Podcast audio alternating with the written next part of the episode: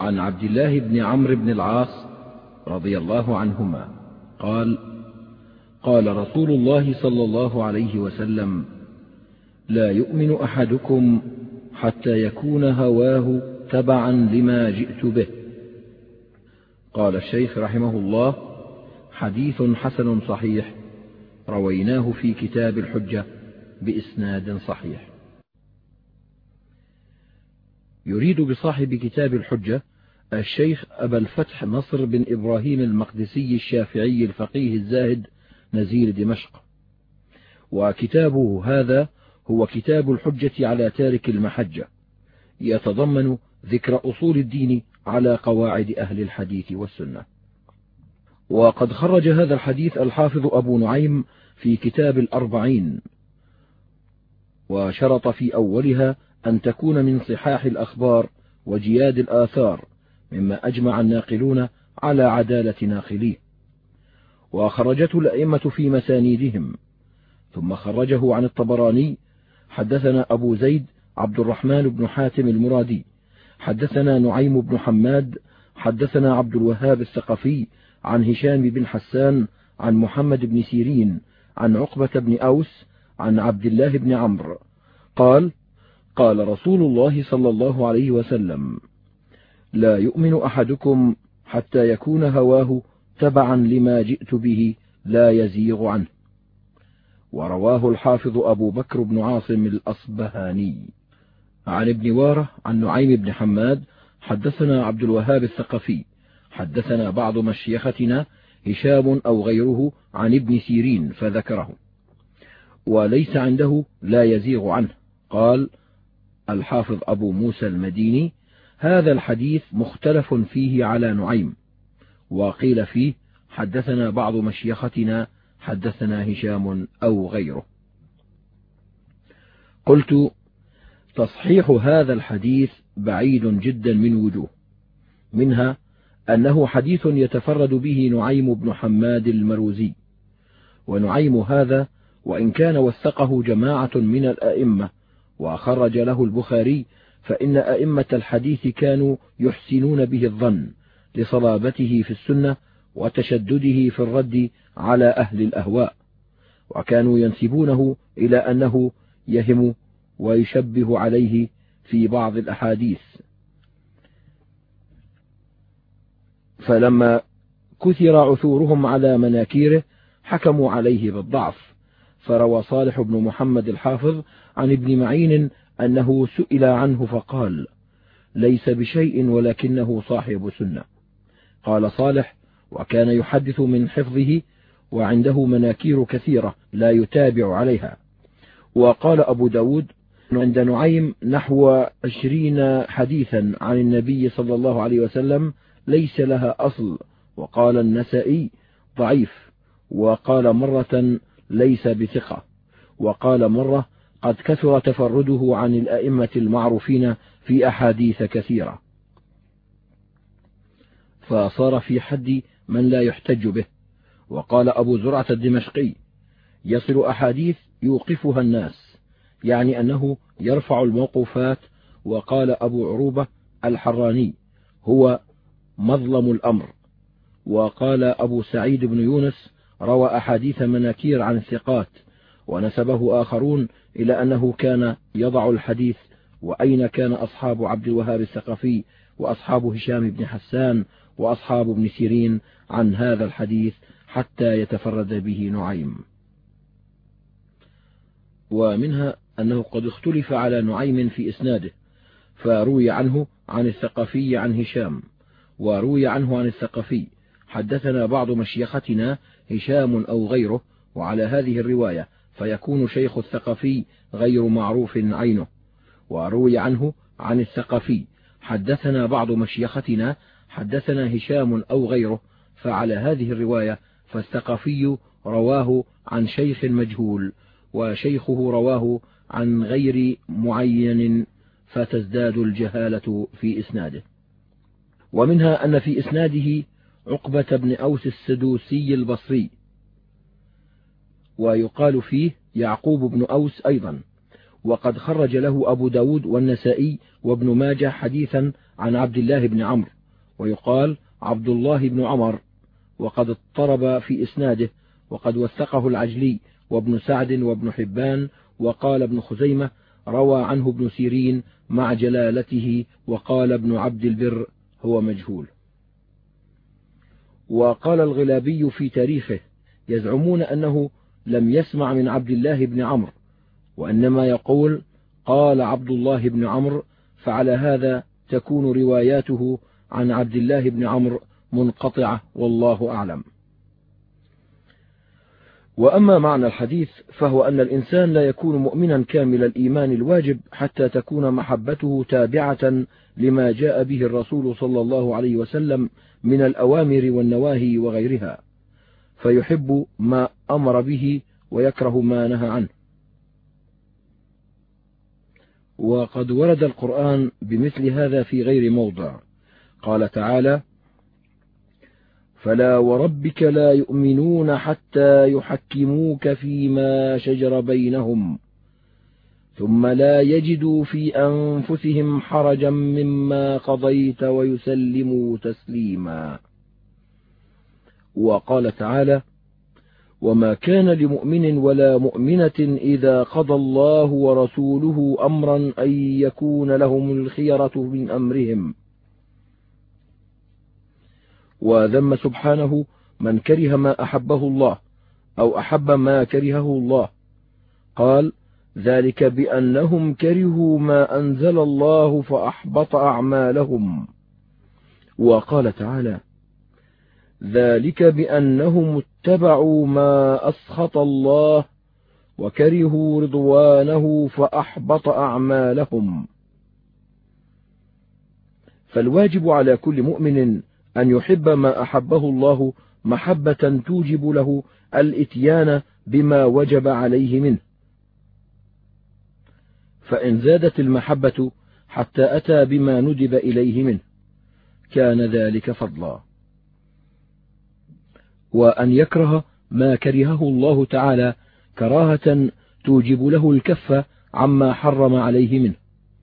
فإن زادت الكراهة حتى أوجبت الكف عما كرهه تنزيها كان ذلك فضلا. وقد ثبت في الصحيحين عنه صلى الله عليه وسلم أنه قال لا يؤمن أحدكم حتى أكون أحب إليه من نفسه وولده وأهله والناس أجمعين. فلا يكون المؤمن مؤمنا حتى يقدم محبة الرسول على محبة جميع الخلق ومحبة الرسول تابعة لمحبة مرسله. والمحبة الصحيحة تقتضي المتابعة والموافقة في حب المحبوبات وبغض المكروهات. قال عز وجل قل إن كان آباؤكم وأبناؤكم وإخوانكم وأزواجكم وعشيرتكم وأموال اقترفتموها وتجارة تخشون كسادها ومساكن ترضونها أحب إليكم من الله ورسوله وجهاد في سبيله فتربصوا حتى يأتي الله بأمره. وقال تعالى قل إن كنتم تحبون الله فاتبعوني يحببكم الله ويغفر لكم ذنوبكم. قال الحسن قال أصحاب النبي صلى الله عليه وسلم يا رسول الله إنا نحب ربنا حبا شديدا فأحب الله أن يجعل لحبه علما فأنزل الله هذه الآية. وفي الصحيحين عن النبي صلى الله عليه وسلم قال ثلاث من كن فيه وجد حلاوة الإيمان أن يكون الله ورسوله أحب إليه مما سواهما وأن يحب المرأة لا يحبه إلا لله وأن يكره أن يرجع إلى الكفر بعد إذ أنقذه الله منه كما يكره أن يلقى في النار. فمن أحب الله ورسوله محبة صادقة من قلبه أوجب له ذلك أن يحب بقلبه ما يحبه الله ورسوله ويكره ما يكرهه الله ورسوله ويرضى بما يرضى الله ورسوله ويسخط ما يسخطه الله ورسوله وأن يعمل بجوارحه بمقتضى هذا الحب والبغض. فإن عمل بجوارحه شيئا يخالف ذلك فإن ارتكب بعض ما يكرهه الله ورسوله أو ترك بعض ما يحبه الله ورسوله مع وجوبه والقدرة عليه دل ذلك على نقص محبته الواجبة فعليه أن يتوب من ذلك ويرجع إلى تكميل المحبة الواجبة. قال أبو يعقوب النهر جوري كل من ادعى محبة الله عز وجل ولم يوافق الله في أمره فدعواه باطلة وكل محب ليس يخاف الله فهو مغرور. وقال يحيى بن معاذ ليس بصادق من ادعى محبة الله عز وجل ولم يحفظ حدوده. وسئل رويم عن المحبة فقال الموافقة في جميع الأحوال. وأنشد ولو قلت لي مت مت سمعا وطاعة وقلت لداعي الموت أهلا ومرحبا. ولبعض المتقدمين تعصي الإله وأنت تزعم حبه. هذا لعمري في القياس شنيع. لو كان حبك صادقا لأطعته. إن المحب لمن يحب مطيع. فجميع المعاصي تنشأ من تقديم هوى النفوس على محبة الله ورسوله. وقد وصف الله المشركين باتباع الهوى في مواضع من كتابه. وقال تعالى فإن لم يستجيبوا لك فاعلم أنما يتبعون أهواءهم ومن أضل ممن اتبع هواه بغير هدى من الله. وكذلك البدع إنما تنشأ من تقديم الهوى على الشرع ولهذا يسمى أهلها أهل الأهواء. وكذلك المعاصي إنما تقع من تقديم الهوى على محبة الله ومحبة ما يحبه. وكذلك حب الأشخاص الواجب فيه أن يكون تبعا لما جاء به الرسول صلى الله عليه وسلم. فيجب على المؤمن محبة الله ومحبة من يحبه الله من الملائكة والرسل والأنبياء والصديقين والشهداء والصالحين عموما.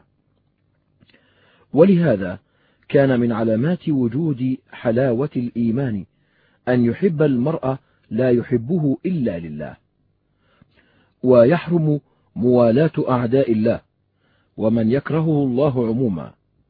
وقد سبق ذلك في موضع آخر. وبهذا يكون الدين كله لله. ومن أحب لله وأبغض لله وأعطى لله ومنع لله فقد استكمل الإيمان. ومن كان حبه وبغضه وعطاؤه ومنعه لهوى نفسه كان ذلك نقصا في إيمانه الواجب فيجب عليه التوبة من ذلك والرجوع إلى اتباع ما جاء به الرسول صلى الله عليه وسلم من تقديم محبة الله ورسوله وما فيه رضا الله ورسوله على هوى النفوس ومراداتها كلها. قال وهيب بن الورد بلغنا والله أعلم أن موسى عليه السلام قال يا رب أوصني. قال أوصيك بي. قالها ثلاثا حتى قال في الآخرة أوصيك بي أن لا يعرض لك أمر إلا آثرت فيه محبتي على ما سواها. فمن لم يفعل ذلك لم أزكه ولم أرحمه. والمعروف في استعمال الهوى عند الإطلاق أنه الميل إلى خلاف الحق كما في قوله عز وجل ولا تتبع الهوى فيضلك عن سبيل الله وقال وأما من خاف مقام ربه ونهى النفس عن الهوى فإن الجنة هي المأوى. وقد يطلق الهوى بمعنى المحبة والميل مطلقا فيدخل فيه الميل إلى الحق وغيره وربما استعمل بمعنى محبة الحق خاصة والانقياد إليه. وسئل صفوان بن عسال هل سمعت من النبي صلى الله عليه وسلم يذكر الهوى؟ فقال سأله أعرابي عن الرجل يحب القوم ولم يلحق بهم. فقال المرء مع من أحب. ولما نزل قوله عز وجل ترجي من تشاء منهن وتؤوي إليك من تشاء. قالت عائشة للنبي صلى الله عليه وسلم ما أرى ربك إلا يسارع في هواك. وقال عمر في قصة المشاورة في أسارى بدر فهوي رسول الله صلى الله عليه وسلم ما قال أبو بكر ولم يهو ما قلت. وهذا الحديث مما جاء استعمال الهوى فيه بمعنى المحبة المحمودة وقد وقع مثل ذلك في الآثار الإسرائيلية كثيرا. وكلام مشايخ القوم وإشاراتهم نظما ونثرا يكثر فيها هذا الاستعمال ومما يناسب معنى الحديث من ذلك قول بعضهم إن هواك الذي بقلبي صيرني سامعا مطيعا أخذت قلبي وغمض عيني سلبتني النوم والهجوع فذر فؤادي وخذ رقادي. فقال لا بل هما جميعا.